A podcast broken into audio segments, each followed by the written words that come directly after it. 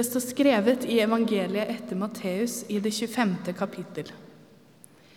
Det er som med en mann som skulle dra utenlands. Han kalte til seg tjenerne sine og overlot dem alt han eide. En ga han fem talenter, og en annen to, og en tredje én talent. Etter det hver enkelt hadde evne til. Så reiste han. Han som hadde fått fem talenter, gikk straks bort og drev handel med dem og tjente fem til. Han som hadde fått to talenter, gjorde det samme og tjente to til. Men han som hadde fått én talent, gikk og gravde et hull i jorden og gjemte sin herres penger. Da lang tid var gått, kom tjenernes herre tilbake og ville holde regnskap med dem. Han som hadde fått fem talenter, kom fram og hadde med seg fem til, og sa:" Herre, du ga meg fem talenter, se, jeg har tjent fem til. Herren hans svarte, Bra, du gode og tro tjener. Du har vært tro i lite, jeg vil sette deg over mye. Kom inn til gleden hos din herre. Også han med to talenter kom frem og sa, Herre, du ga meg to talenter, se, jeg har tjent to til. Herren hans svarte, Bra, du gode og tro tjener. Du har vært tro i lite, jeg vil sette deg over mye. Kom inn til gleden hos din herre. Så kom også han fram som hadde fått én talent, og sa, Herre, jeg visste at du er en hard mann som høster hvor du ikke har sådd, og sanker hvor du ikke har strødd ut. Derfor ble jeg redd og gikk og gjemte talenten din i jorden. Se, her har du ditt. Men Herren svarte han, du dårlige og late tjener. Du visste at jeg høster hvor jeg ikke har sådd, og sanker hvor jeg ikke har strødd ut. Da burde du overlatt pengene mine til dem som driver med utlån, så jeg kunne fått dem igjen med renter når jeg kom tilbake. Ta derfor talenten fra han og gi den til han som har ti talenter. For den som har, skal få, og det i overflod, men den som ikke har, skal bli fratatt det han selv har. Og kast den unyttige tjeneren ut i mørket utenfor, der de gråter og skjærer tenner. Slik lyder det hellige evangelium.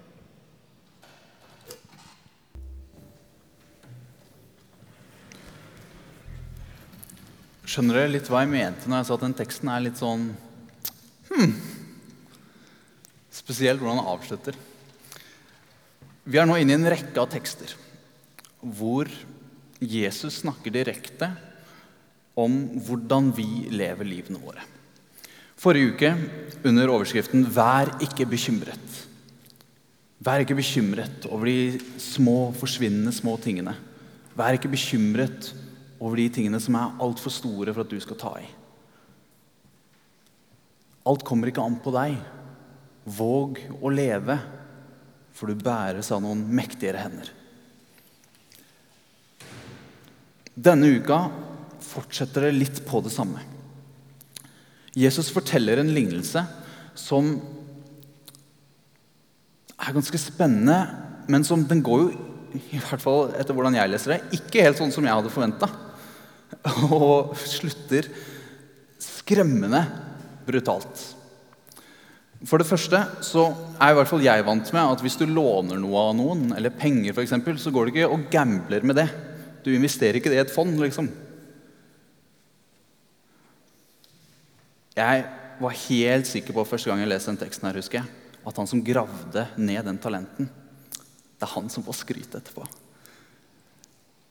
Men så ender det ikke sånn. Og det er også en rar ting med historiefortellinga, for vi er vant med at liksom, den tredje, der kommer løsninga. Sant? Først så prøver Per, og så prøver Pål. Men når Espen Askeladd kommer, da treffer det. Men her er det fullstendig motsatt. De to som gambler med sin herres penger og får igjen det dobbelte, de får masse skryt. Men den siste, som har gravd ned den ene han fikk, han får knallhard refs. Det viser seg at Jesus han er ikke som eh, alle andre historiefortellere. Og det viser seg at Gud er ikke nødvendigvis sånn som vi forventer. Og Man kan bli veldig grepet av slutten, her, men jeg har lyst til å lede oppmerksomheten deres til starten. Fordi I starten så skjer det noe veldig sjokkerende, fascinerende av denne her fortellinga. Ehm, når dere hører ordet talent Når Jesus forteller denne lignelsen Talent det betyr ikke det dere forbinder med det. det den betydningen hadde ikke kommet ennå. Det som var en talent, det var en myntenhet på Jesus sin tid. Og en talent, det var verdt 6000 denarer. Og Hvis du gjorde et godt dags arbeid, så ville det være naturlig Hvis du hadde en greit betalt jobb, da gjorde du deg fortjent til én denar. Så det denne historien egentlig starter med, er at en herre drar bort. Og så finner han sine tre tjenere, og så sier han, 'Ta vare på alle tingene jeg eier'. Og det er så mye at vi kan ikke fatte det. Han ber de, jeg regna litt på det, det er over 130 årslønner. De har garantert aldri sett så mye penger. Det er en vanvittig gave. Og det er derfor det liksom, Idet Jesus begynner å fortelle dette, så folk må ha bare stått med sånn Dette er utrolig urealistisk. Hvilken herre ville gitt sine tjenere et sånt ansvar? Hvem ville la noen tjenere ta vare på en så stor gave?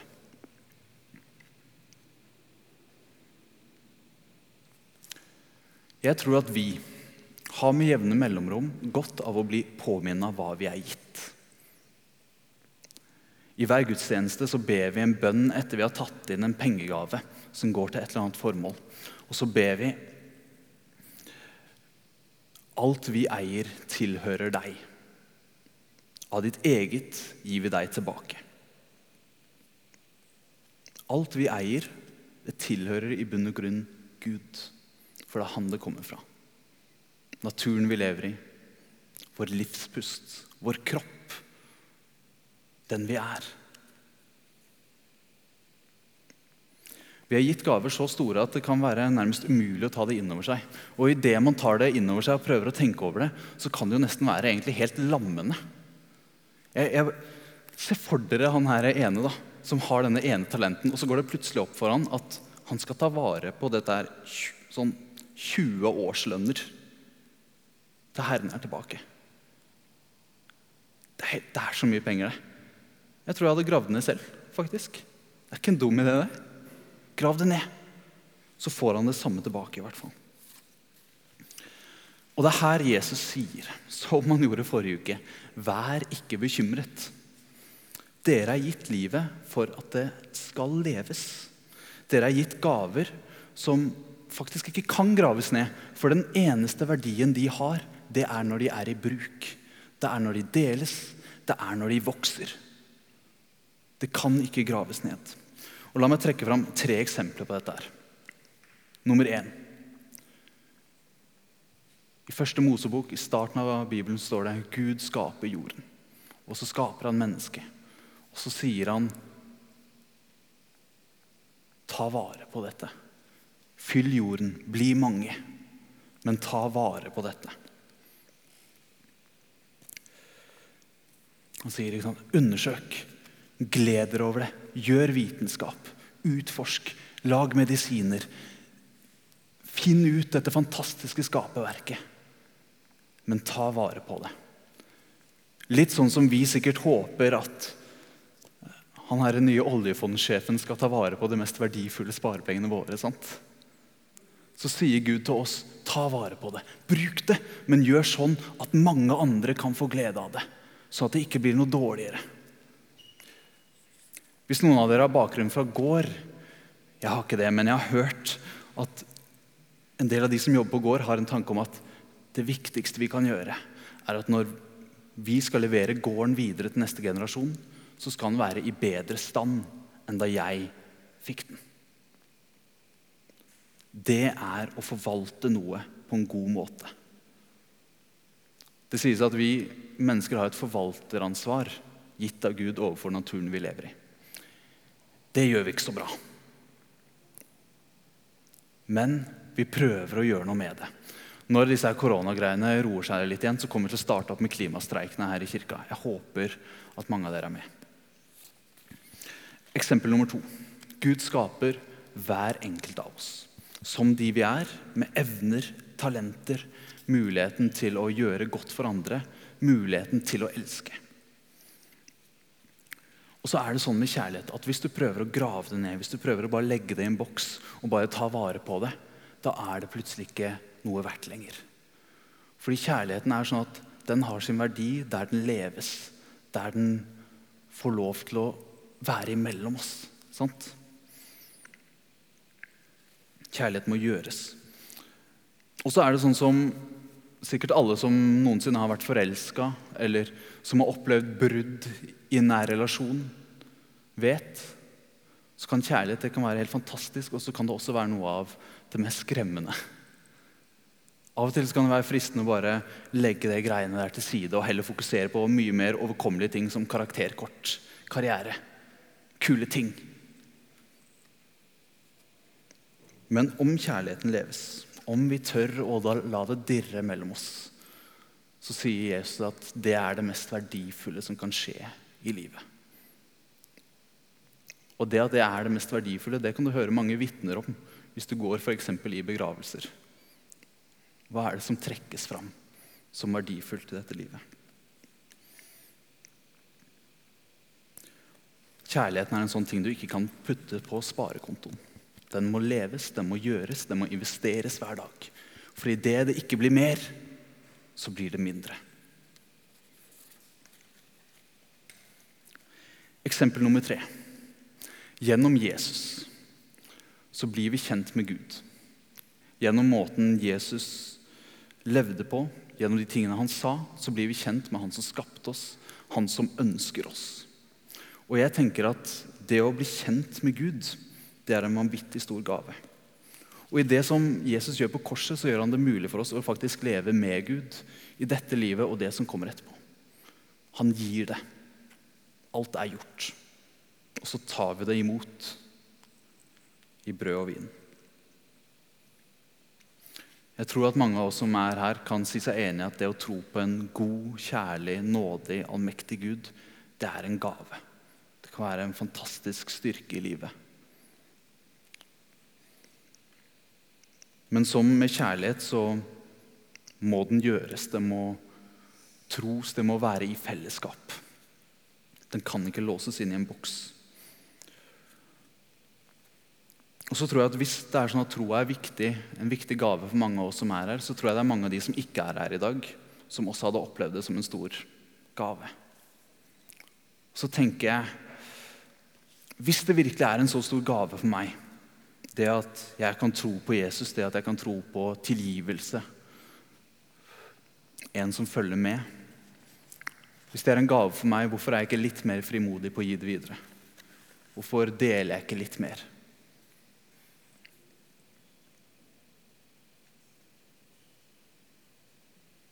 Kunne vi ikke satsa litt mer på at den talenten den også har en evne til å vokse?